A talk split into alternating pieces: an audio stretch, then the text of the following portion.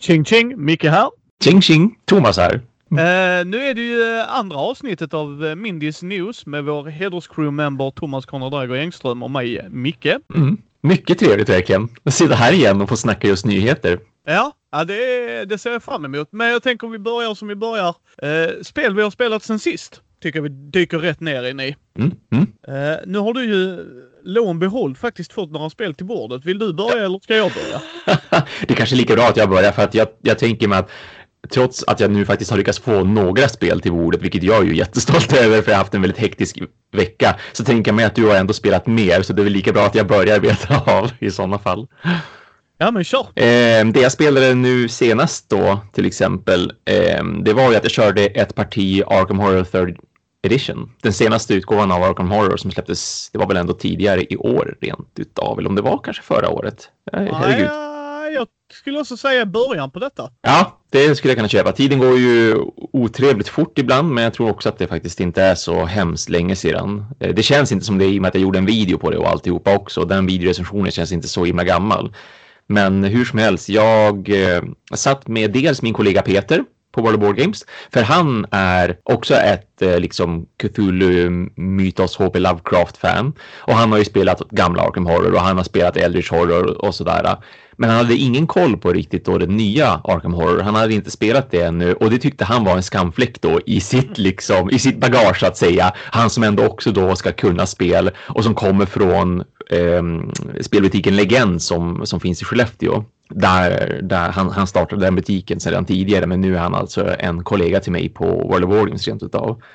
Så eh, jag bjöd in honom och han tog med sig två av sina vänner. Den ena hade spelat Arkham Horror eh, sen tidigare, alltså den, den första utgåvan då. Men eh, hans partner däremot, visst hon gillar att spela spel, de hade spelat Manchester Madness som jag fattade det. Men hon hade inte spelat Arkham Horror överhuvudtaget. Oh. Så, så det var ju extremt roligt där också då att dels få visa både Peter då och hans kompis att ja, men så här funkar det här Arkham Horror. Och så ser han då att hon liksom med helt nya ögon bara jaha, vad är det här för någonting ungefär? ja, för, för min, om jag minns rätt nu, rätta mig om jag har fel. Mm. Eh, I din recension så var du inte väldigt glad över det. Nej men jo, tvärtom faktiskt. Jaha, okej. Okay, okay. jo, jo, jag var så här, Arkham Horror, den, den första utgåvan, den har ju jag fått otroligt många förfrågningar om. om. Vänta, jag, jag ska bara kolla. Pratar du om Arkham Horror från Fantasy Flights första ja. utgåvan? Ja, ja, för det är precis. andra utgåvan. För första utgåvan kom... Yes, första ja, utgåvan från Chaosium. Jaha, det är så alltså. För jag har alltid tänkt, jag har som funderat på det där med första och andra utgåvan i och med att jag menar det här är ju den och den tredje liksom. Yes. Så, men jag, jag antog att det var en klassisk Fantasy Flight Games. De hade gjort först den första och så sen den andra. Och man kan benämna dem halvvägs som varandra därför att de är liksom samma spel men Fantasy Flight Games kanske har gjort några uppgraderingar bara till regler och sådär. Men det var alltså de som började med Arkham Horror-spelet. Ja. Yes. Så det var bara det. Jag ville bara kolla så att du ja, ja. hade spelat mm. första första. Nej, då backar vi lite grann. och så säger vi att Peter har spelat andra utgåvan och jag har spelat andra utgåvan. Ja. Eh, men men alltså, jag har fått jättemycket förfrågningar då under de här ja, men, tio åren typ som jag har gjort Konrad recenserar och mina videos att när ska du recensera Arkham Horror typ? Um, och jag har ju sagt det fler än en gång Eh, till exempel i min Eldritch Horror recension att jag kommer aldrig göra det för att jag tycker inte det spelet är bra. Rent utav. Um, ja, nu, men... gråter, nu gråter Andy. Han ja, jag förstår det. Så här, jag har förstått folk som tycker det är bra och det är kul att folk kan leva sig in i det i de här sju timmarna som spelet generellt kräver skulle jag säga och man ändå är glad oavsett om man vinner eller förlorar. Men både jag och min spelgrupp och min förrförra spelgrupp också när jag liksom verkligen på riktigt kom in i, i spelandet igen. Vi, vi vart så less på det att vi sålde det ju efter sju, åtta försök till att liksom klara oss igenom spelet utan att bara få tokpisk hela tiden. Och vi gjorde till och med vissa husregler och sånt där, men ändå. Ja, alltså problemet jag har med det är eh, det, all, det tar alldeles för lång tid för vad det gör. Ja, Ja. Precis som du säger, liksom att du kan förlora runda ett. Och, det, och det, jag kan ju köpa den pressen man har. Det är liksom Call of Cthulhu, det ska liksom ja. inte vara en dans på rosor. Men, Nej, absolut. Men det ska inte ta åtta timmar i heller där, där du drar kort och sen händer inget. Ja. Och så gör du ja. inget. Och sen händer inget. Och sen nästa gång kan du ha svinkul.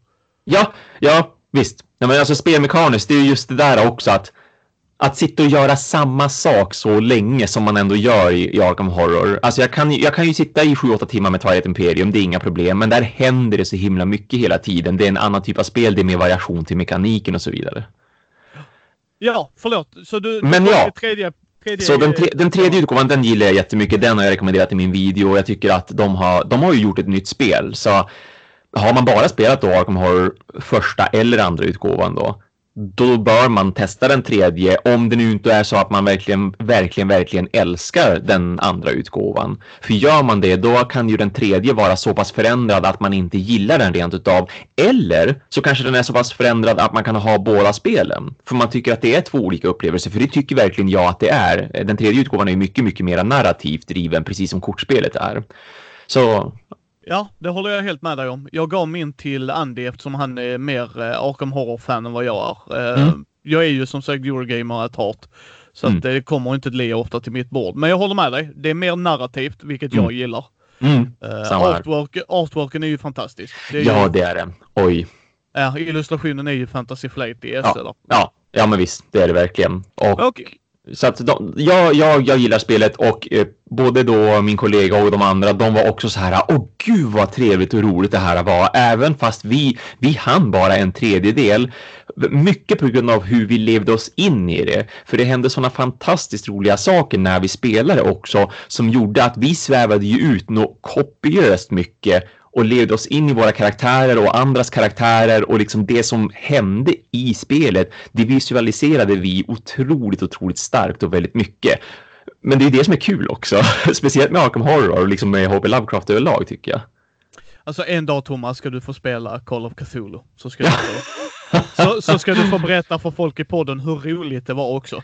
ja, ja men alltså det, det, var inte tråkigt att spela Call of Cthulhu när jag gjorde det, för jag har alltid spelat rollspel i Call of Cthulhu, det har jag. Ehm, en kompis som heter Ingmar, han, när han bodde här uppe i, i eh, Umeå, han, han eh, flyttade tillbaka till Skåne nu, för det är därifrån han kommer. Men när han bodde här i Umeå, då drog vi ihop en liten grupp med liksom vi som är riktigt tajta kompisar. Så vi var fyra stycken som spelade med han som spelledare och han är en jäkligt bra spelledare och en bra spelare också för den delen. Han lever sig väldigt mycket in, han läser på väldigt mycket, han är duktig på liksom att, att vara impulsiv och sådär och komma på saker spontant. Och det var, det var trevligt men jag kom inte in i det utan jag kände verkligen, det var, det var nog första gången rent utav som jag kände det här som jag tror att jag kan ha nämnt tidigare någon gång att jag har liksom halkat ifrån rollspelen och den här fantasy-grejen, eller jag menar fantasigrejen att jag kan absolut leva mig in i ett brädspel, men det är fortfarande ett brädspel, det är fortfarande saker jag kan ta på. Eh, det är inte lika liksom just leva sig in i och försöka prestera för att man ska leva sig in i sin roll och man ska vara sin karaktär som det är i ett rollspel och det har jag tappat lite grann. Men det var, det var trevligt, men det var mer trevligt för sällskapet och jag kände tyvärr där och då att shit, min spelledare Ingmar och mina två vänner Kenny och John, de spelar på ett helt annat plan än vad jag gör. Ja, men en dag, en dag ska jag ja. rope you into mm. it. Komma tillbaka till det. Jo, det, det, det säger Peter, min kollega också, för Peter älskar ju rollspel, spelar flera olika rollspel samtidigt, tycker om att vara både spelledare och spelare. Så att han, han har ju tittat på mig med ledsna eh, liksom hundvalpsögon och tyckt att det här borde du väl ändå kunna, kunna göra. Speciellt efter en sån omgång som nu då med Arkham Horror, när vi alla hade så trevligt och vi alla levde oss in i det så mycket, så tycker han att, men Thomas, kom igen nu.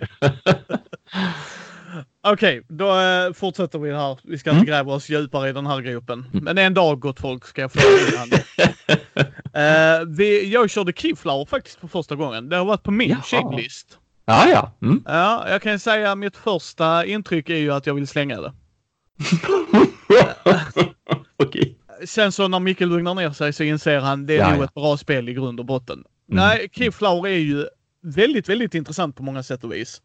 Ja. Har, vad kan du ha? Du kan ha ja, minst fem sex år på nacken vill jag påstå va?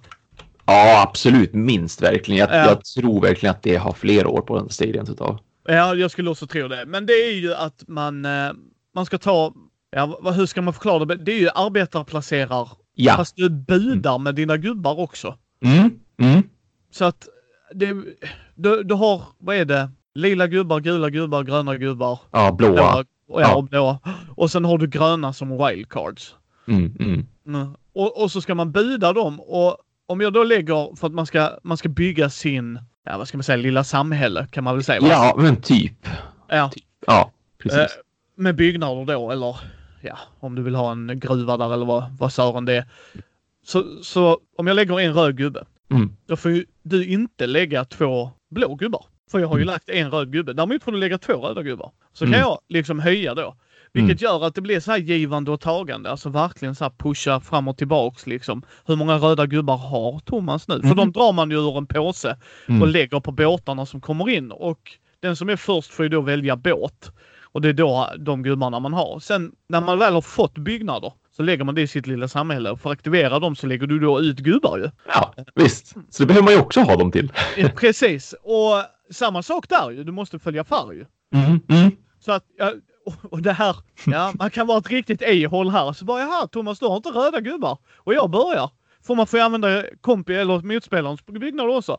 Så jag sätter en röd gubbe precis här på din byggnad. Yay! så kan du inte följa upp liksom. Ja, ja det är roligt. Åh, vad synd att du planerar en strategi runt det. Ja, eller hur? Och gissa varför jag inte gillar det här spelet? Nej, problemet jag har här är att när du budar alla de grejerna. Jag är inte 100% säker på om vi spelar rätt. Det var första gången jag och Fredde spelade.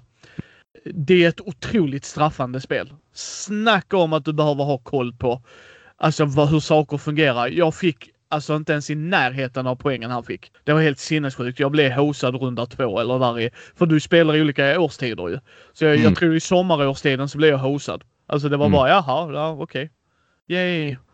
Och på ett sätt tycker jag de spelen kan vara roliga också, så jag har inte kastat det. Jag kommer att spela det igen. Men det var verkligen väldigt missanvisande på hur spelet ser ut och hur det är uppbyggt. Mm, mm. Så vilket kan vara positivt men samtidigt negativt. För hade jag vetat om det så hade jag inte blivit lika sur och irriterad. För jag blev mm. väldigt mm. irriterad. Utan okej, okay, du vet här, typ om någon säger kanban. Eller ja. food shade magnet liksom. Ja. Okej, okej. jag kommer inte lyckas superbra här. Eller 1830, alltså du vet tågspelet. Ja, ja, ja visst. Ja. Okej, jag, jag förstår att jag kommer göra någonting fel som kommer hosa mig i slutet. Ja. Men i Keyflower kändes det inte det när man satte upp spelet och kollade reglerna. Ja, ja, ja. Och sen helt plötsligt sommaren. Ja. ja, precis. Och så sommaren bara, ah, crap. Ja, ja. Nu är det kört hatar det här spelet och hatar dig så här, peka på en eller två spelare. Nej, Fredde, Fredde, Fredde har ju alltid hatkärlek till. Så ja, jag förstår det. Ja. Ja.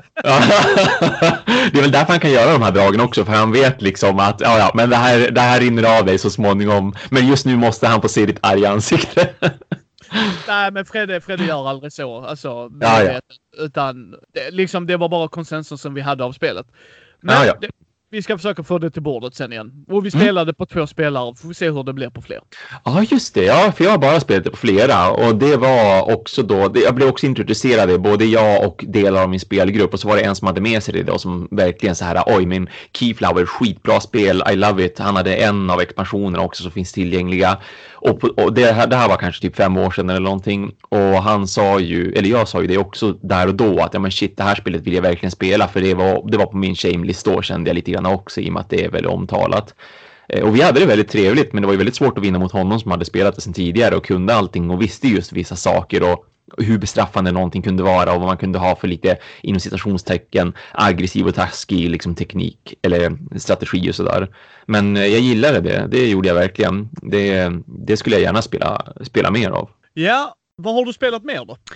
Eh, jo, sen har jag också suttit och spelat eh, Evolution. Ett eh, kortspel där man bygger livsformer egentligen mer eller mindre och utveckla de här livsformerna. Alltså långt, långt, långt tillbaks i tiden, liksom innan människan och så vidare, när saker och ting krälade upp på land och sedan blev till ja, men, allt från väldigt små djur som gömmer sig i små hålor till jättestora djur som eh, äter varandra. Så eh, ett supertrevligt, tycker jag, eh, kortspel som jag har spelat och ägt väldigt, väldigt länge. Men eh, det är en gammal, gammal utgåva. Det är ett ryskt företag som jag inte kommer på namnet nu på, bara spontant. Som, de var en av de första faktiskt som hörde av sig till mig när jag började med mina videorecensioner och verkligen bara hej, vi ser att du har en YouTube-kanal som vi inte förstår någonting av för all del, men vi vill ändå nå ut till den svenska marknaden. Hur nischat det än är, typ. Eh, så här, vad sägs om att du tar fyra av våra populäraste spel, för de är på väg att bli översatta nu. Vi har lyckats väldigt bra med dem i Ryssland liksom. Nu ska de bli översatta till engelska och vi ska bli lite större och växa i tanken och så vidare. Det var, det var intressant. Ja, det, det, var, det, kändes, det kändes ju jättestort för mig då, men också sjukt random. Liksom att de hör av sig, ryskt företag, förstår ingenting av mig, vet att jag är recensent. och, och de krävde bara sen då eh, att jag kunde skicka dem en video där jag liksom hade undertexter då, som faktiskt sa vad jag tyckte om spelen. Så de kunde få någon slags feedback åtminstone, inte bara så här, okej, okay, ja men här snackar den här killen om de här spelen på svenska och vi har ingen aning om vad han säger. Vi hoppas att det var bra åtminstone. Utan, utan jag satte under texter och så fick de se det och så var de nöjda efter det och jag var också nöjd.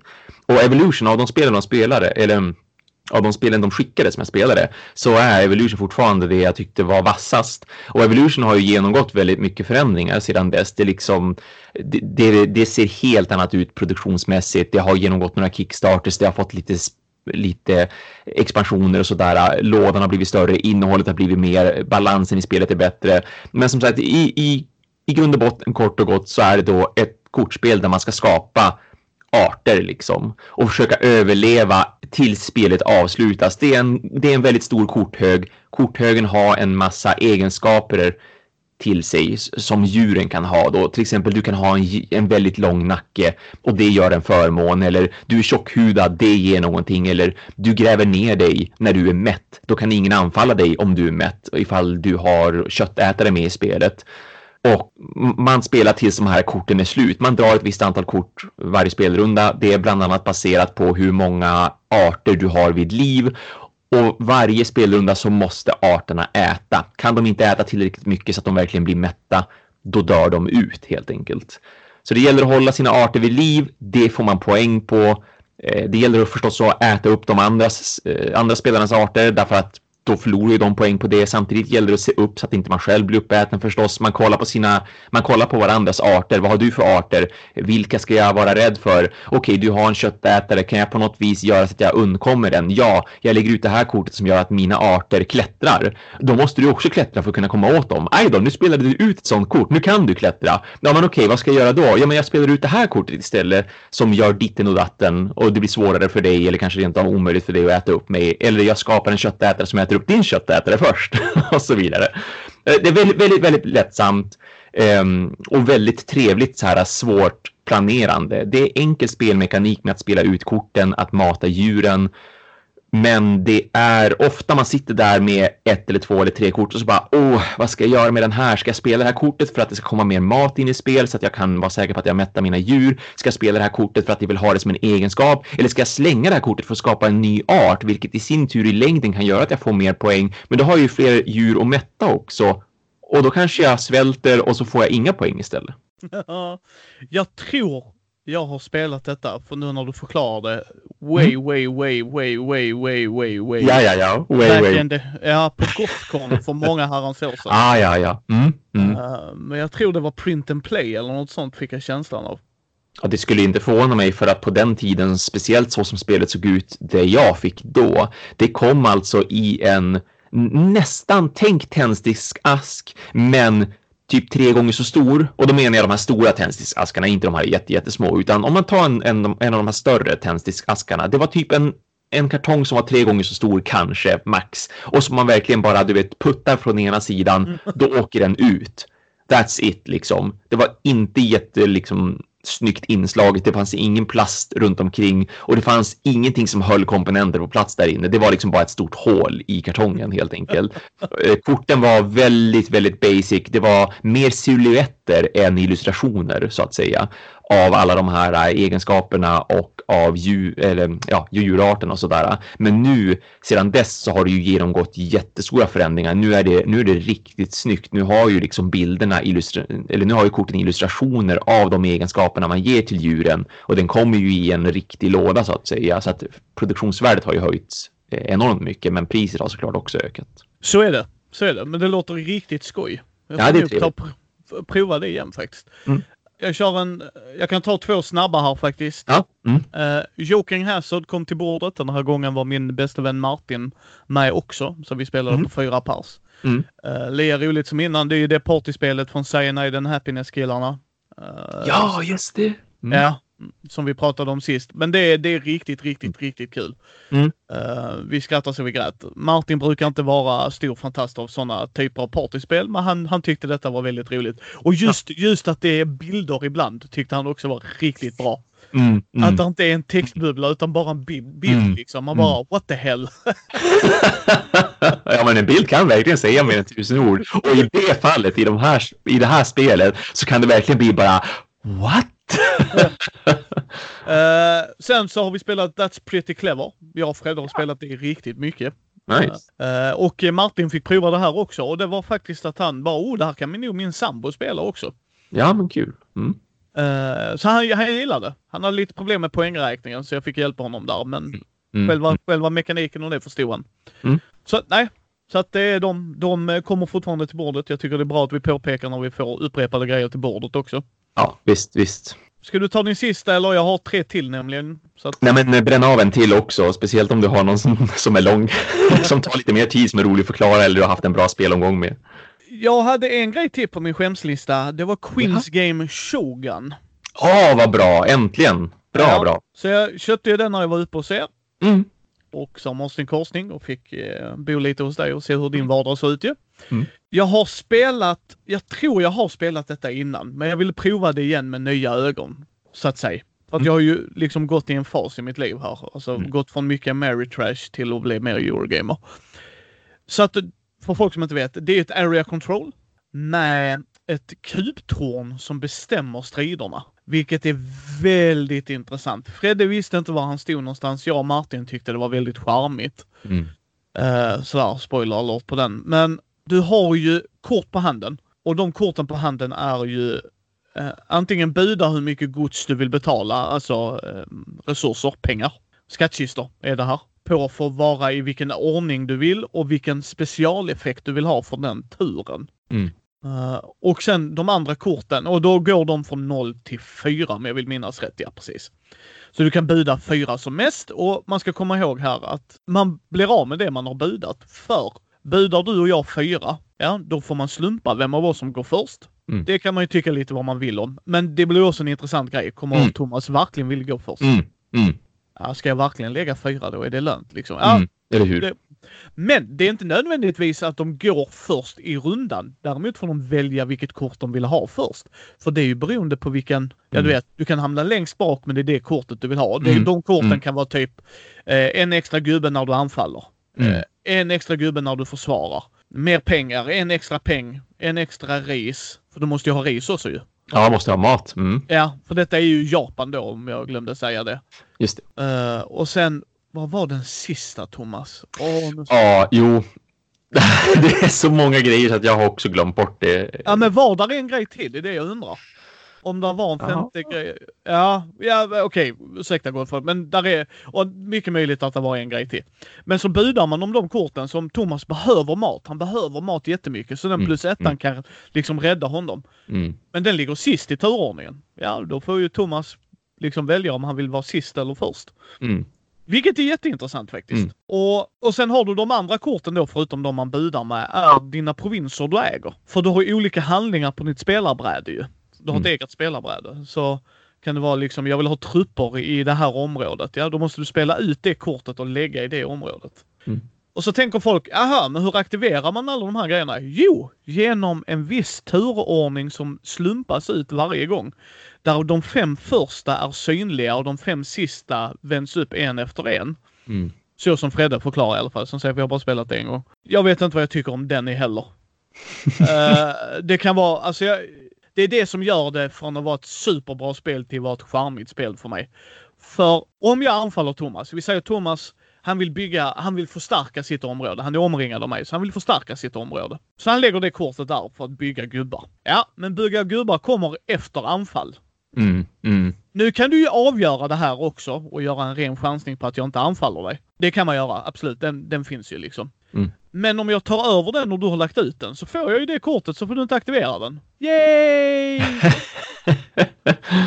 Nej! Ja. Mm, mm. Men å andra sidan sett så hade du kunnat räkna ut med en krita i arslet att... Eller hur, att du anfaller. Ja, ja jag lägger inte precis. den där. nej, nej, precis. Nej, visst. Uh, men det som gör det dock som bumpar upp det lite också är just det här kubtornet. För jag anfaller Thomas. Jag tar upp mina kuber. Jag tar upp Thomas kuber. Jag häller i dem i tornet. Så ser vi vad som kommer ut. Mm, Aha, mm. Nu kom där ut eh, Martins gubbar också. Synd för honom, för de försvinner. Mm, mm.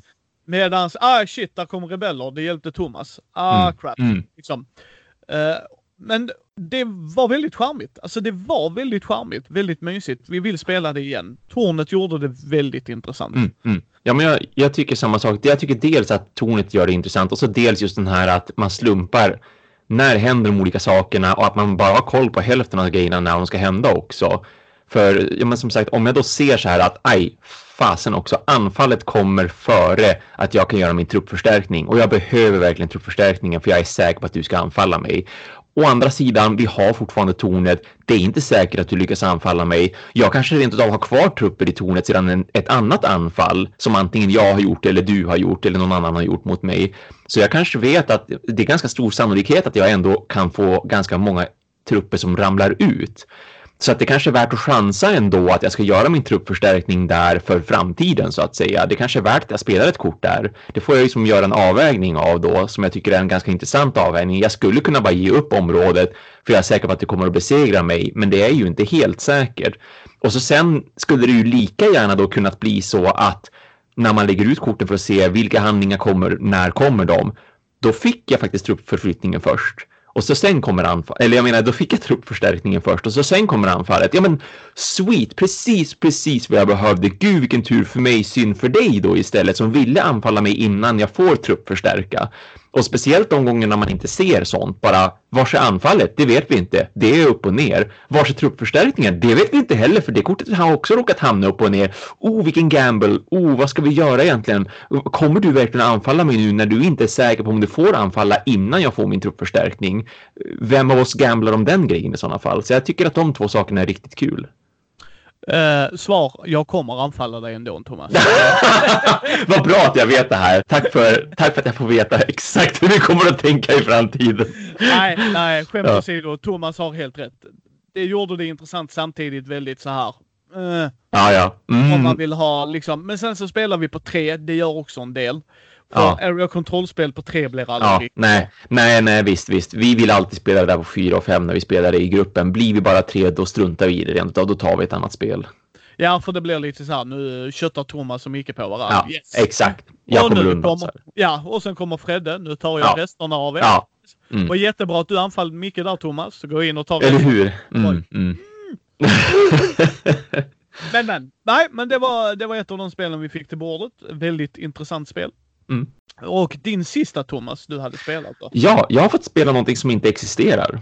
Det vill säga, det finns ett spel som är under utveckling som heter just nu Decision Hero. Och det är ett kortspel som utvecklas av en kille som heter Marcus Forsström som bor i Skellefteå. Och det här provtestade jag faktiskt första gången förra året. Och eh, nu det här året så var han på, på den här stora spelmässan slash festivalen slash nörd mässan Nordsken här uppe i, här uppe i Skellefteå eh, i norr.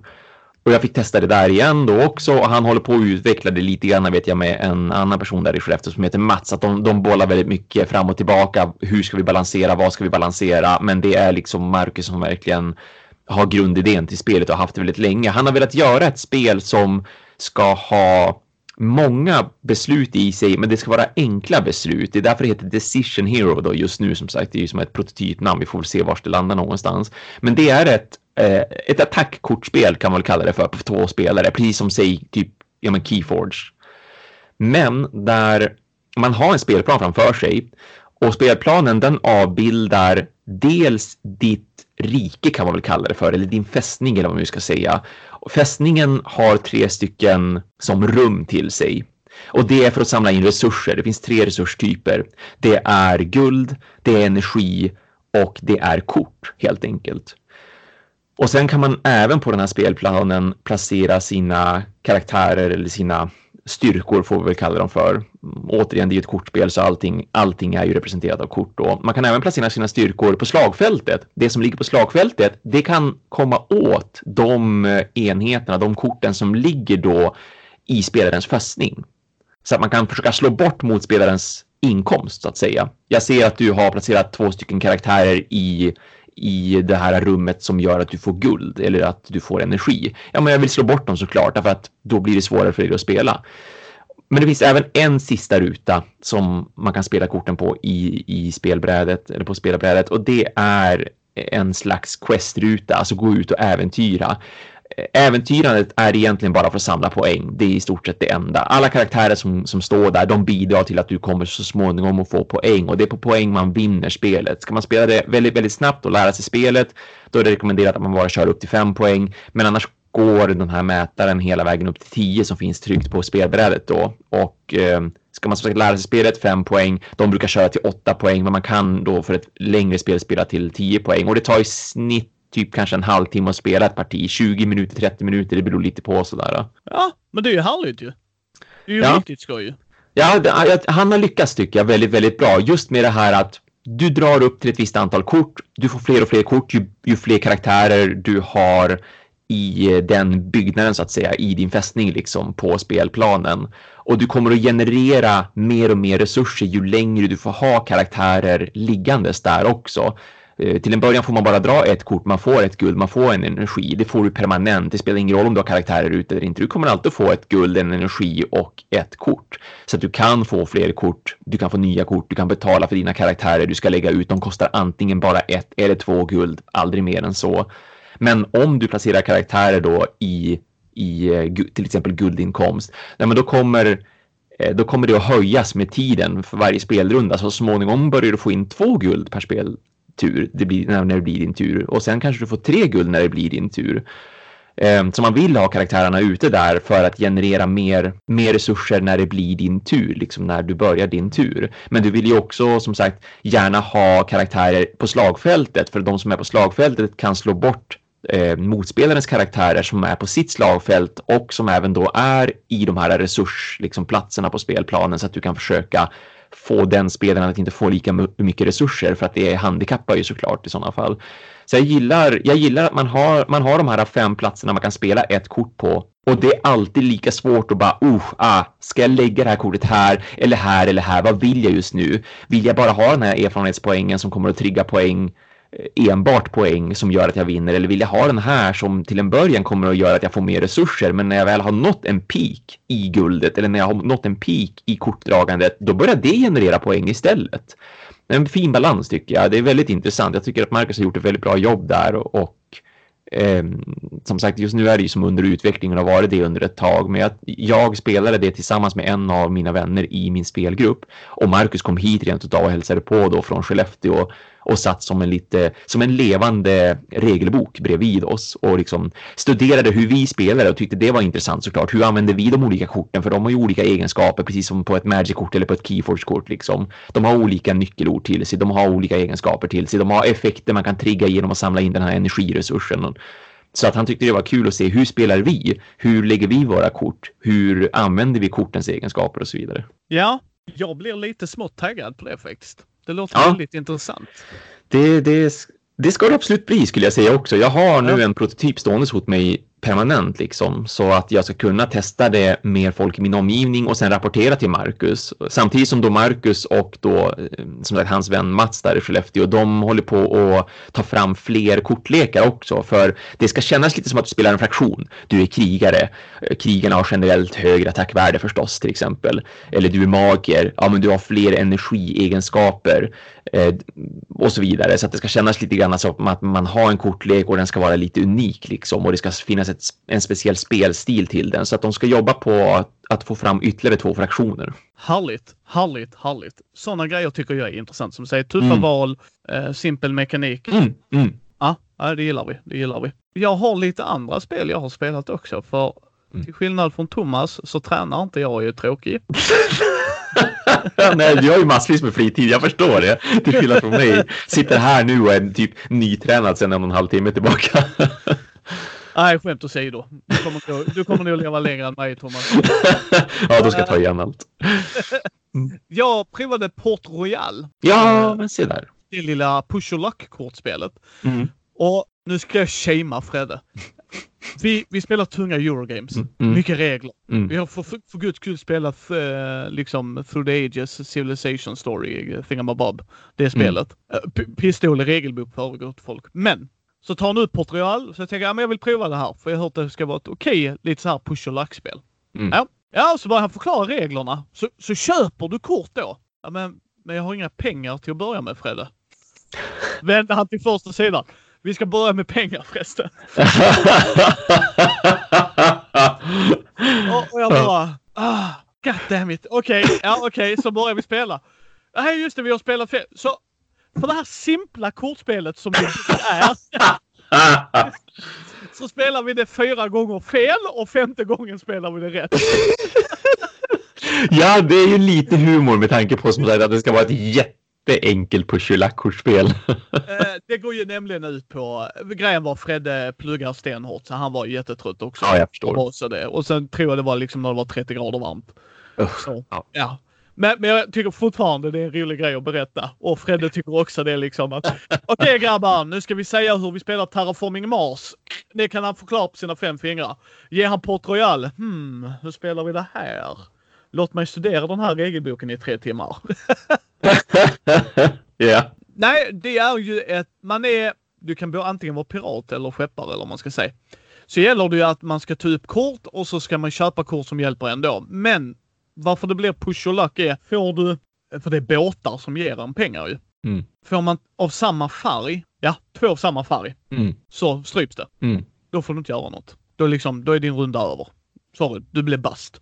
Mm. Men grejen är också det att när du väljer att stanna så får motståndaren ge dig en peng för att köpa eller aktivera ett av de korten också. Så du, om vi säger att Thomas får, för ju längre upp du kommer ju mer kort du pushar, ju mer kort du har ute, ju mer kort får du ta med dig tillbaks till din hamn. Vilket gjorde det faktiskt väldigt intressant. Alltså det, det är inget, det är ingen, de har inte uppfunnit hjulet igen. Mm. Men det var ett charmigt litet kortspel om man lägger det i en deckbox, tar med sig, så är det ett bra resespel. För, Mm. för det Mm. behöver inte ta större yta än vad du gör det. För du kan sitta och spela det i handen. Push, push, push, push. Ah, bast, blandar det nu. Alltså sådär, liksom det går över till dig. Eh, och Mm. pengarna man använder är ju korten. Så att de har pengar på baksidan. Alltså det är Ja. så. Jag har fem pengar, ja det är fem kort upp och ner bara. Så. Mm. Mm. Och sen fortsätter man så tills man kommer upp till 15 poäng vill jag påstå. Och något sånt var det. Alltså ett visst poäng i alla fall. Eh, så att nej, jag gillar det. Jag gillar det väldigt mycket. Support Royals. Mm. Mm. Som sagt. Spela inte det när ni är trötta. Då är det uppenbarligen jättesvåra. Det är uppenbart jättekrångligt. Ja, nej men eh, push Vad har- spel kan ju faktiskt vara trevliga, men eh, tyvärr så är det eh, Port Royal är ju faktiskt ett av de spelen jag dissar personligen, eh, ska jag säga. Jag var, jag var faktiskt lite besviken på det. För jag hade också hört så himla mycket om det. Det är ju många som säger att det är ett trevligt och bra spel. Det är många som föredrar att spela det som ett push spel men det var någonting som föll platt för mig i det här uh, push lackandet och liksom byggandet, eller vad man ska kalla det för, av ens, av ens eh, hamn. Ja. Liksom. Alltså som sagt, det är inte groundbreaking. Nej, jag, tycker, nej men, jag tycker det var charmigt. mm, Det mm, som sagt, jag kan förstå det. För grejen är det att vissa push och lack-spel gör inte att du tar slumpade kort och tar ut dem. Utan du vet vad du får här. För när Mm. du, hela spelet börjar med att du ska ha pengar, så då försvinner ju kort. Och du vet ju inte vilka de korten är. Du kan ju inte räkna kort på det sättet lika lätt. Och, ja, då är det... Ja, folk får göra vad de vill med det. Jag tyckte det var intressant. Ehm, så ta en titt om ni vill det. Sen har jag en till här. Sen ska vi gå vidare på nyheterna. Mm. Transformers TCG. ja, just det. Är också en grej jag köpt ut hos er. Mm. Ja, ja, vad fan. Helt ärligt så är det ni som oftast tar mina pengar ändå nu. Så det spelar ingen roll. Ja, men helt ärligt så är det oftast mina chefer som tar mina pengar också. Så det känns... Eh, men det är ju Transformers TCG. Det är Wizard of the Coast Hasbro som har det va? Om jag ja, det är det. Stämmer. För de, för de äger ju sina egna rättigheter. Sneaky bastards. Mm. Det är ju ett... Och vi köpte ju den andra starterboxen. Precis, som du för rekommenderar mig. Exakt, för den första startboxen som släpptes, den hette ju bara Autobots Starter. Alla förväntade sig att, ja men fräckt, då borde det komma en Decepticon Starter så att man kan spela, du vet, Autobots mot Decepticons, det som Transformers faktiskt handlar om. Och så kom det aldrig någon! Och folk bara, what the fuck? Jag måste köpa boosters och hoppas på att få Decepticons. Ja, men så, så retconar de faktiskt. Så att du fick då mm. eh, det här robot, ja, Decepticon versus Autobot som Thomas sa. Eh, jag körde Decepticons och då har man robotar som ska pryla varandra. Rätt upp och ner. Det är bara det du ska göra. Där är inga så här sneaky win eller du vet ska ta poäng. Du ska pryla den andra. Mm. Rätt mm. upp och ner. Uh, lite så här magic style och det. Mm. Uh, jo, sorry. Uh, nej, så att då, då, um, ja, de blandade korten ju så att man fick ju inte bygga sin lek. Men om man ska bygga sin lek mm. så tror jag det här blir mycket intressantare. Ja, för, för korten har dubbel effekt. Eller trippel effekt eller hur man ser det. Men men den har en effekt på kortet. Antingen spelar du ner det för du får spela ner en action eller en weapon upgrade. Det är vad du får göra. Du får också flippa en av dina robotar. Eh, för att de har en annan effekt när de antingen är i autobotform, alltså när de är i typ stridsvagn, eller när de är i robotform.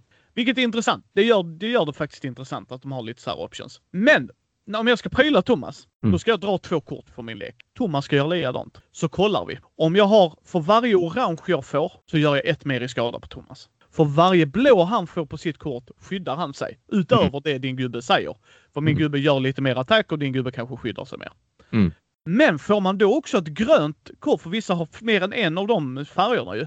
Mm. Får man då ett grönt kort så kan man byta ett kort från handen med det. Så att det går inte ner, för det går ner till din discard pile. Och sen behöver man inte vara orolig för när den är tom, äh, leken, så bara blandar man och så kör man igen liksom.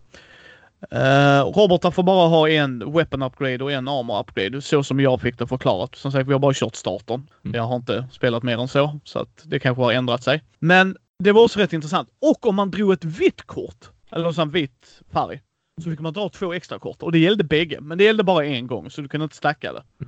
Så du kunde inte dra slut på leken liksom.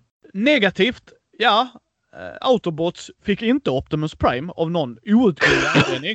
Eller hur? Ja men, men du har Bumblebee. Okej, okay, det köper jag. Mm, Dels att mm. han har haft en egen film och han är en ja. cool karaktär. Ja, men visst. Mm, uh, sen, men sen får du Starscreamer och uh, Megatron.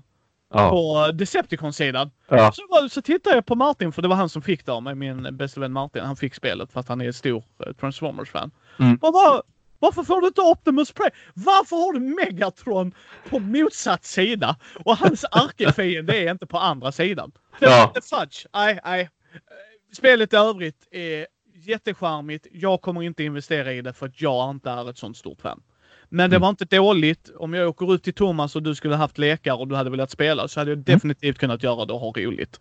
Ja. Så, det är TCG, mm, investerar inte i det. Mm. Mm. Transformers, inte det största fanet. Mm. Ja, jag, jag har ju förstås köpt det.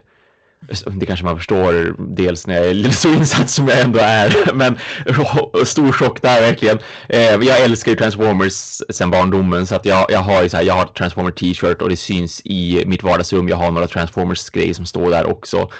Så att ja, självklart. Jag gillar ju att samla på kortspel dessutom och speciellt om temat är rätt och liksom, det kan ju inte bli mer rätt än Transformers så självklart har jag ju köpt liksom både några boosters och jag har köpt två olika starter packs. Men jag har inte spelat det fortfarande utan det, jag gillar ju som att samla också i och med att eh, när det är ett tema som sagt eller en franchise eller sådär som jag verkligen gillar då kan jag köpa någonting eh, lite grann bara för att ha det också. Men sen om jag får liksom besök av rätt personer inom citationstecken för jag känner ju många som gillar kortspel och jag känner många som gillar Transformers. Ja, men då skulle det inte vara svårt för mig att bara, ja men ska vi spela det här kortspelet? Då skulle väldigt många av dem jag känner säga, ja men absolut, jag testar det jättegärna. Ja, nej, men det var helt okej. Okay. Ja, alltså... men det, det, det verkar, alltså med tanke på vad de har gjort här, de har ju ändå tagit en ganska stor franchise. Jag är bara glad om det blir just ett okej okay kortspel. De behöver inte uppfinna liksom Dominion på nytt till exempel. Eller, eller Magic the Gathering för den delen. Det behöver inte bli ett nytt Keyflow, äh, jag menar Keyforge så länge som det ändå inte är dåligt liksom och att det bara blir en så här, de försöker mjölka pengar ur en franchise och ur sitt namn. Alltså nu har de ändå lyckats tycker jag med den spelmekaniken som finns och det är som är intressant som du säger med de här eh, de här actionkorten, eller battle cardsen som de kallas för, de här, de här små korten som man bygger sin kortlek av, battle cards. Att det är intressant med de här färgerna och hur man drar dem och vad de kan trigga för någonting. Och så är det lite så här, haha, gimmick, kul, bra tema, eh, grej, roligt att man har transformers som faktiskt kan flippa för att man har ju stora spelkort, stora karaktärskort som är transformersarna som då Optimus och Bumblebee och Megatron och sådär. Och man kan ju flippa de korten för att de ska transformera sig inom citationstecken och då förändras ju deras stats och vad de kan göra för någonting. Och det är klart att de måste kunna göra sånt, det är ju transformers. Varför skulle de inte kunna transformera sig liksom? Ja, nej som sagt, charmigt spel, charmigt mm. spel. Mm. Men eh, då djupdyker vi i nyheter. Vi har ju suttit här nästan en timme och pratat ändå, men det får ni hantera för att vi tycker det är kul. Ja.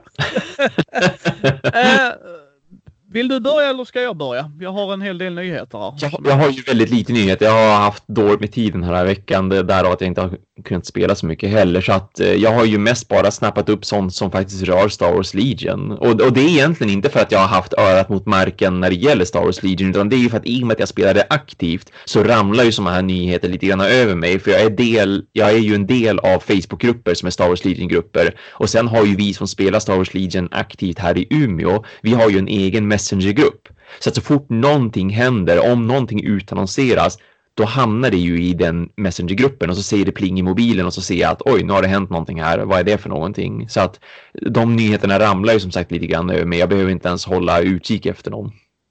Men ska du börja med den då och sen så köttar vi på med ja. alla mina? Ja, visst, visst, vi gör så.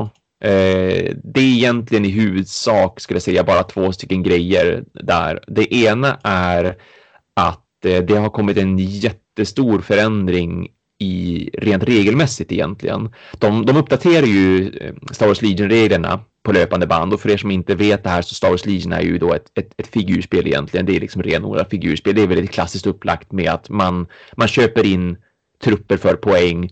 Man spelar en viss poängsumma mot varandra.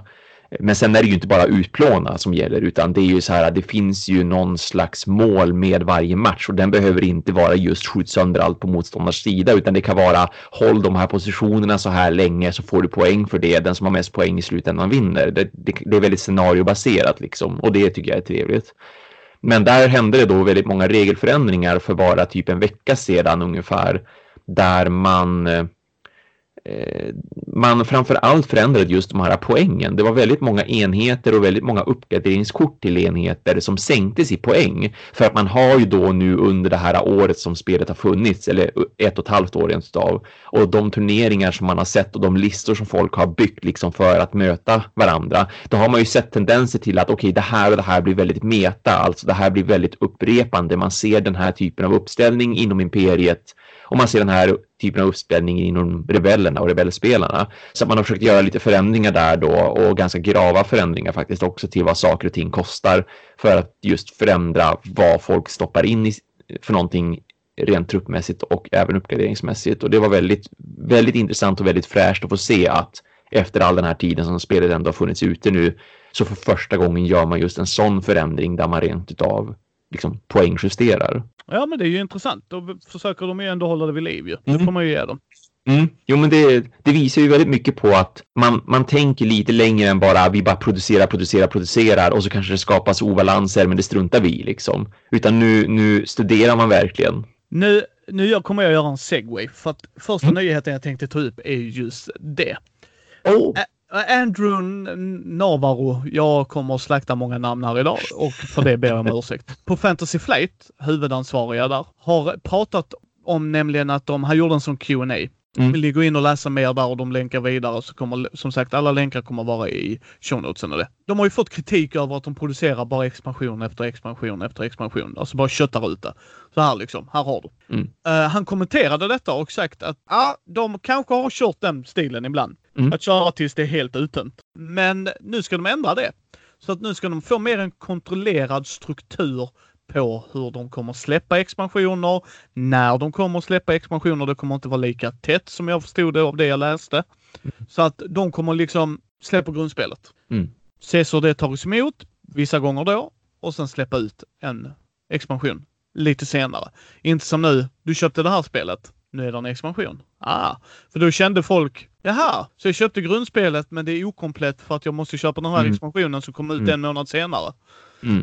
Uh, så han, han, tog upp det faktiskt. Så det känns ju betryggande som du sa om de ändrar grejerna där också på Star Wars Legion. De mm. menar ju det att de har en eftertanke och det är ju alltid roligt när folk får reda på när en producent har det.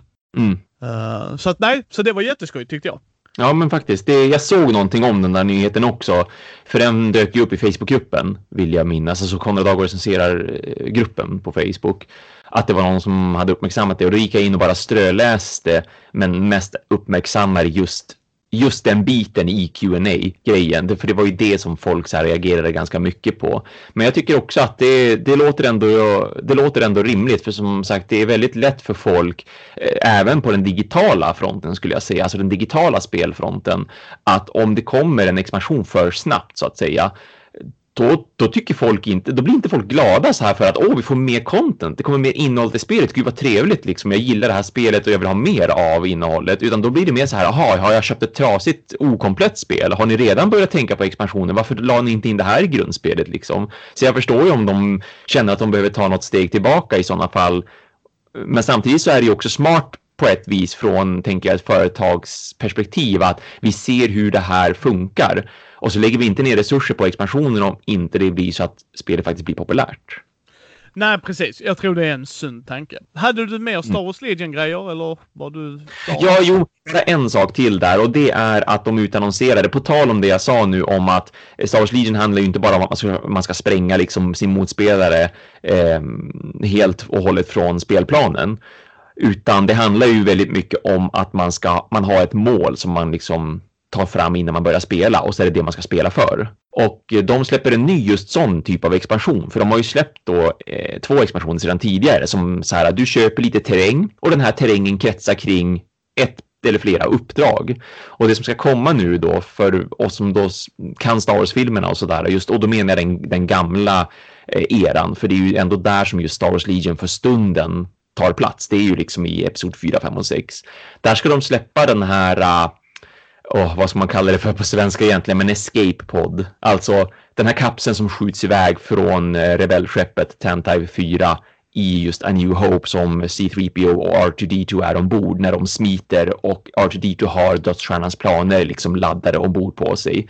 Den eh, escape-poden, den lilla farkast, farkosten, den lilla kapseln, den kommer man kunna köpa då som en terrängpjäs, att den har kraschat på Tatooine i sanden, precis som de ju gör, liksom, eller krascha och krascha, men typ landa den kommer att kunna gå att köpa då, att den är kraschad där på Tatooine och att det följer med två stycken scenarier då som kretsar kring där Imperiet såklart vill ju komma åt C3PO och speciellt R2D2 därför att det finns ju viktig information där, militärisk information som de inte vill ska hamna hos rebellerna och rebellerna vill förstås få tag på R2D2 för att få tag på den här informationen.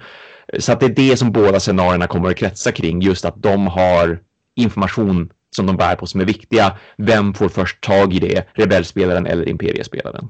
Spännande, spännande.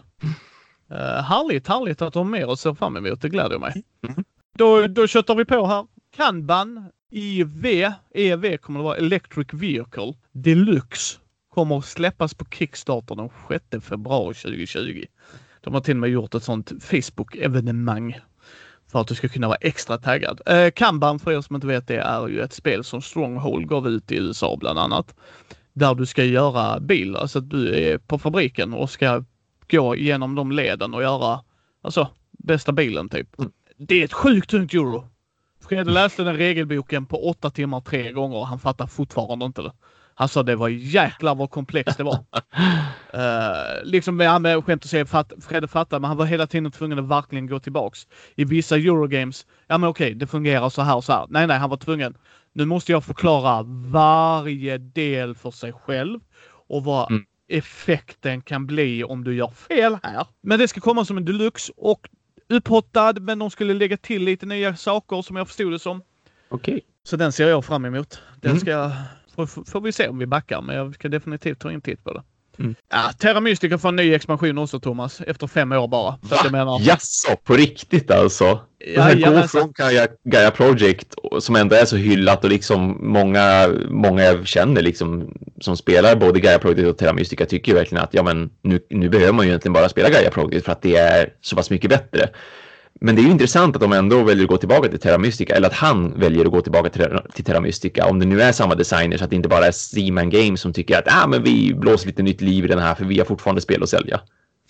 Det kan jag inte svara på. Men det skulle vara mer med båtar och att man skulle sprida, vidare, oh. sprida sig vidare.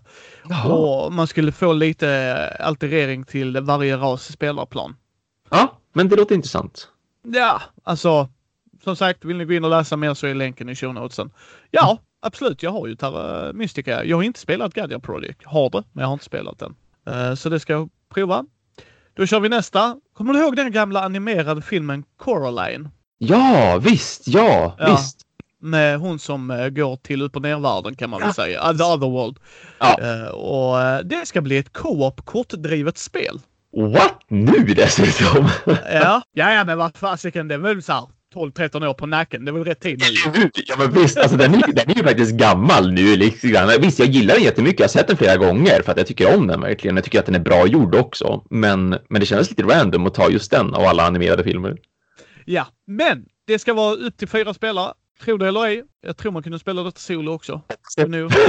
Jag är inte säker, men oftast kan man det. Men det är ju att du ska in och rädda Coraline och hennes föräldrar från The Other Mother. Mm. Det är den skurken då. Uh, illustrationen verkar vara från animeringen. Mm, mm. Men det är ju en Neil Gaiman-bok från början. Just det, det stämmer ja. Och det hade jag ingen aning om förrän jag läste artikeln och bara wow. Mm. Den mannen, American Gods och allt annat ja, mysmys han har gjort. Så här, det, det kan bli intressant ju. Absolut, liksom. absolut. Tittar jag gärna närmare på när det finns liksom mer konkret information omkring hur det ska funka och så. Sen finns det ju ett trick-taking game som heter Fox in the Forest. Mm. Som är bara för två spelare som jag har förstått det som. Jag har varit jättesugen på att köpa det för att jag diggar trick-taking games. Uh, det ska få en uppföljare. Oh. Fox in the Forest Duett. Uh, det ska mm. ungefär fungera på samma sätt fast nu ska vi samarbeta. Jaså? Så det är ett tvåspelarspel men vi ska köra det co-op. Ja, ja. Och, och, det är fortfarande ett trick-taking. Så att de har nu gjort lite alterneringar. Jag är sjukt intresserad av Fox in the Forest. Har du spelat det? Nej, jag har gett bort det bara, men inte spelat det. Och jag gav dessutom bort det till långt bort i stan, så att det finns ingen chans att jag kan spela det egentligen. Men jag har också varit mycket intresserad. Det är bara synd att det, det är så sällan för mig att jag, vi bara är två liksom, jag kan spela. Oh, Thomas. jag ska jobba på det där, att bli två. nej, nej, men jag förstår ja, men det. ser jättetrevligt ut och jättemysigt verkligen. Jag är... ja, just att det är ett, ett, förlåt, just att det är ett trick-taking. Ja, ja, Ja, visst, visst. Och att det ska då komma som eh, duett då. Mm. Eh, Azul, om du aldrig hört talas om det spelet så har jag ingen aning om var du har levt de senaste åren. Skämt åsido. Eh, Azul är ju ett eh, tile drafting-spel. Mm. Alltså du drar fickor. Alltså du. Eh, men de ska komma med en tredje i den serien. Sus. Ja, Azul Summer Pavilion. Pavilion. Ja. Så att de lånar lite grundmekanik från första Azul men tar lite andra vändningar. Där man kommer fortfarande ta av färgerna. Har du spelat Azul? Ja, visst det har jag. Jag tycker det är riktigt bra. Men jag har inte spelat den här uh, Stained Glass of Sintra, den här andra versionen. Så jag har ingen riktig koll på hur mycket de skiljer sig åt och sådär. Men jag tycker att vanliga Azul är riktigt bra. Ja, jag har det. Jag ska spela det. Men vad jag förstod det som så får man ju ta alla av en färg. Men du får inte ta wildcards. Mm, mm. Uh, här får du lov att ta en wildcard, som jag förstod det ah, som. Okay. Det var en av de grejerna som stod i artikeln. Ska gå in och mm. läsa. Mm. Så det kan vara intressant ju. Absolut, absolut. Det är jättekul tycker jag ändå att de rent utav fortsätter att jobba med det ja, varumärket höll jag på att säga, men, men just det tänket som de har, det är väldigt bra. Sen undrar jag så här, hur långt kan de ta det? Hur mycket kan de förändra det? Hur mycket blir det olika spel och hur mycket blir det samma spel som uppfinns igen? Och det går väldigt snabbt liksom från det ena SUL till det andra SUL till det tredje SUL. Men, men jag, jag hoppas ju såklart på att de lyckas göra någonting bra av det en gång till. Ja, det gör jag också. Och jag menar, vill de slå ihjäl den hästen innan de har börjat så är det helt okej okay för min del. ja. För det är det som faktiskt är roligt med brädspel och jag tror Thomas håller med. Har du första utgåvan av någonting så ja, det funkar. Vi kör på det. Mm, mm. Det är lite som i rollspel ju. Alltså, nu kom fjärde editionen. Jag gillar inte det. Så spela inte det då. Ja, eller, eller hur? Löst. Ja. Lite dystra nyheter för folk som älskar Lord of the Rings LCG. Eh, 2020 när den cykeln är släppt, den som de är planerade att släppas, för de som är helt inne vet nog säkert vilken det är, så kommer de göra en paus. Jaså? Jajamensan. det är inte en second edition som kommer komma enligt dem själva. Som i Game of Thrones, för de gjorde ju det. Första ja, ja. första editionen sådär. Men enligt han Andrew, igen, han som vi pratade om i början på nyhetsdelen. Mm. Han, eh, han sa att liksom, det är inte uteslutet. De har planerat mer, men de behöver nog ta en paus. Alltså det är bara det. Ja. ja. Men sen vet vi inte om det stämmer. Det, det kan vi ju aldrig veta, du och jag Thomas. Nej, nej men visst. Jag hoppas verkligen att det stämmer, för det är ju inte jättelänge sedan som Fantasy Flight Games ändå tog över just LFMR. Och eh, det var ju liksom många som blev så här, oj, såldes det iväg plötsligt? Oj, ska Fantasy Flight Games göra det här? Oj, vad ska det bli av det och sådär? Och var oroliga över hur de skulle förvalta hela namnet och så. Och de har ju lyckats. Alltså det Absolut. får man ju ge dem. Alltså... Ja, det, det, tycker jag. jag. jag. är ju en gammal LFMR-spelare, det är jag. Um, blev rekryterad av en kompis som heter Martin här i stan och tyckte att det var supertrevligt och jättebra. Lite svårt att komma in i, inte helt nybörjarvänligt, men oj vilket djup det hade. Och jag har ju spelat det nya också. Jag tycker att shit, det de har gjort med spelet, det de har gjort om och det de har bevarat, det är superbra verkligen. Lite lättare att komma in i, lite mer snabbspelat. Ett, ett bra kortspel som alltid i stort sett från Fantasy Games. Ja, och sen byggde de ju vidare på detta i Arkham Horror LCG. Ja. Mm, mm. Så um, ja, uh, sen har du hört talas om ett litet rollspel som heter uh, RuneQuest? Ja, det har jag. Mm. Ja, jag tror ni till och med säljer lite på ja. jobb va? Jag skulle tro att det är därigenom jag har hört talas ja. om framför allt. Ja, du kanske också har hört talas om det lilla företaget Kosium då kanske? Ja, men visst. Jo, ja. ja. Oh, ja. uh, RuneQuest var ju en av deras första rollspel ju. Och det var ju det grundsystemet som byggde Drakar och Demoner. Mm -hmm. uh, bland annat. Nyheter för folk som gillar det är ju att uh, Steven Perrin, han som gjorde själva spelet, alltså grundmekaniken, han är tillbaks i Kiosium. Okay. Uh, som uh, kreatörkonsult, som jag förstod det som. Och uh, Michael O'Brien uh, sa till pressen Kiosium is where Steven started his career in game design, taking an instrument role in setting a whole new paradigm for RPGs. Mm. Uh, as one of the most influential game designers of all time, we are delighted to be able to call Steve's wisdom imagination to, uh, able to call on Steves wisdom, mm. imagination and creativity.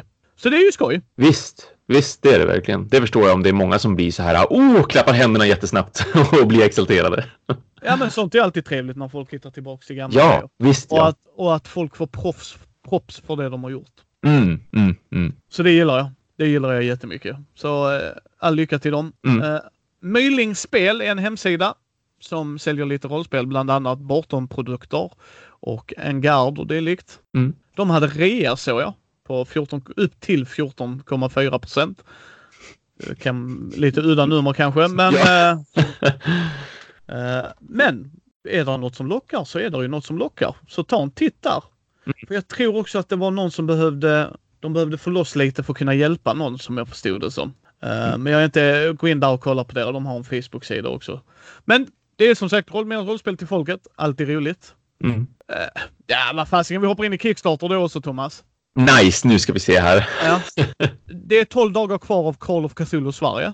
Just det. De är uppe i 680 000 sist jag kollade. Ja, fantastiskt roligt verkligen. Fantastiskt. Oh. Ja, jag är så taggad så jag gråter varje dag. Ja, ja. uh, nej, men jag, jag, all heder till dig Björn på Elossos. Mm. All heder till dig. Mm. Mm. Uh, så ta en titt och se om det är något som lockar. Uh, Forbidden Lands, eller Svärdets sång som Fria Ligans sån fantasy-grej heter, har kommit på Kickstarter. Kom idag. Skulle kommit igår. Ja. Mm. Mm. Uh, för, och idag menar jag att Thomas och jag spelar in detta på torsdag kväll. Så ja. den skulle redan kommit i onsdags. Mm. Den är redan fundad. Det blev det på den första halvtimmen tror jag. Oh, jag är inte förvånad. Nej.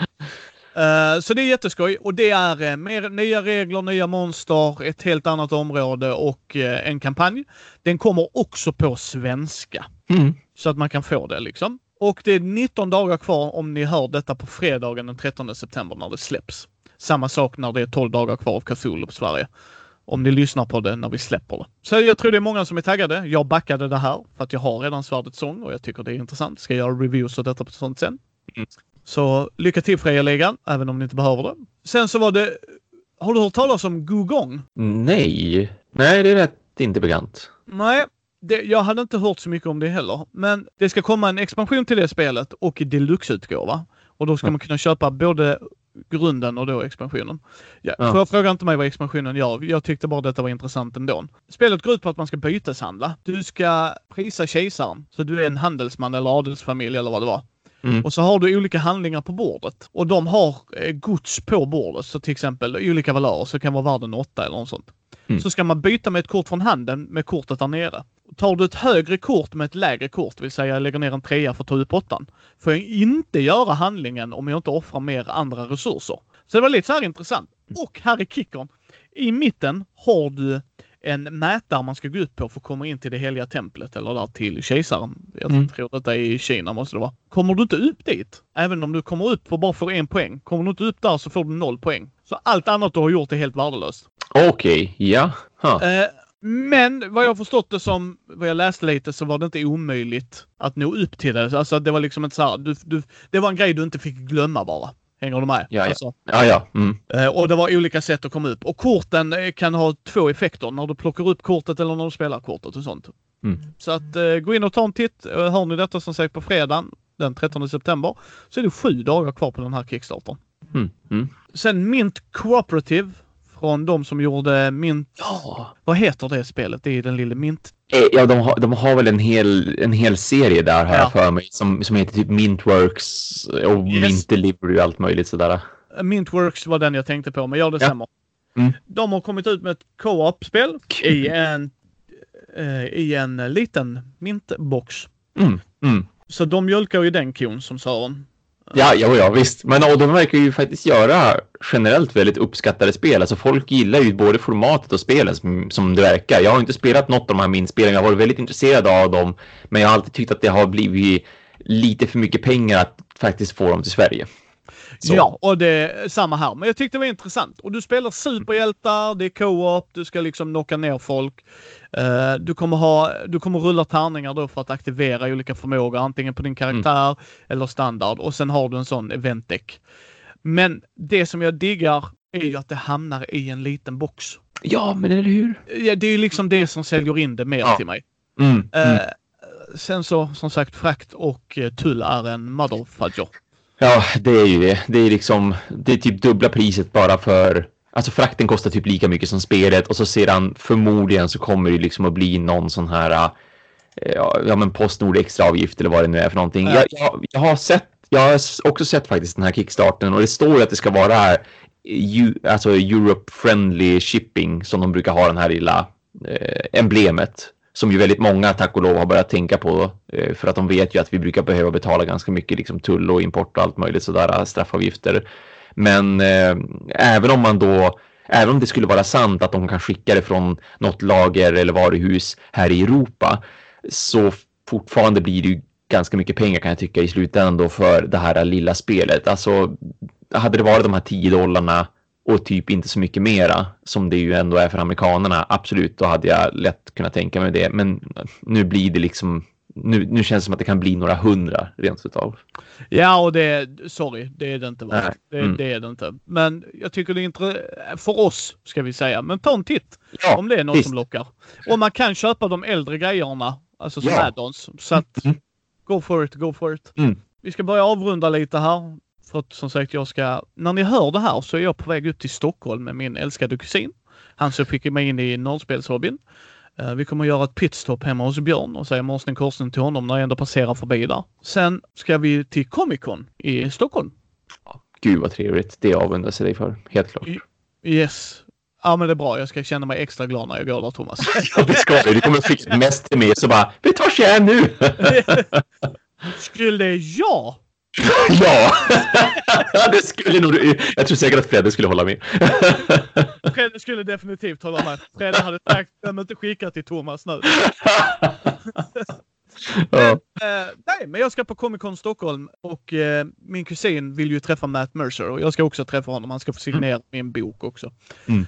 Så det ska bli jätteskoj. Men jag kommer även intervjua Agnes från Dundays. Hon är spelledare där på mm. Actual Play. Så det kommer vi få göra. Det har varit i worksen ja, länge men vi har inte lyckats tajma det. Men nu ska hon vara där för hon kommer vara med i en av de grejerna jag kommer berätta om strax. Men sen kommer jag också träffa Andreas Lundström som är med i Tärningen är kastad och Sweden Rolls. Uh, och vi kommer göra ett specialavsnitt där han och jag pratar om uh, brädspel versus rollspel. Vad är för och nackdelar? Ja. Mm. Uh, och det ska bli jätteroligt att träffa Andreas. Vi missade tyvärr varandra när jag var i Stockholm sist. Så det är awesome. Och han kommer göra två grejer där som är jätteroligt. Om ni är där, lördagen den 14 september då, på lördag.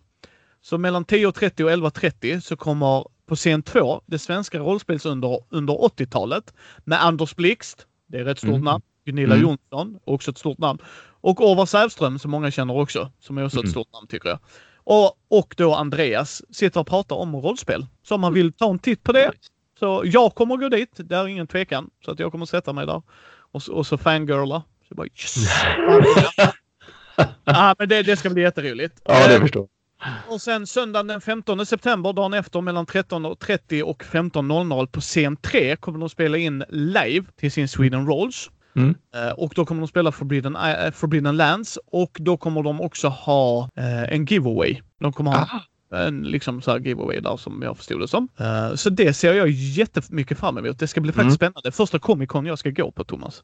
Ja, vad kul. Ja, men det är samma här. Jag har inte varit på Eh, på det själv sen tidigare också. Jag känner lite folk som, som brukar vara där, både sådana som åker dit just för att ja, men få uppleva det bara, men även de som, som är där och eh, typ cosplayar eller gör någonting så här aktivitetsmässigt och så. Så att det, jag hoppas att det blir riktigt bra.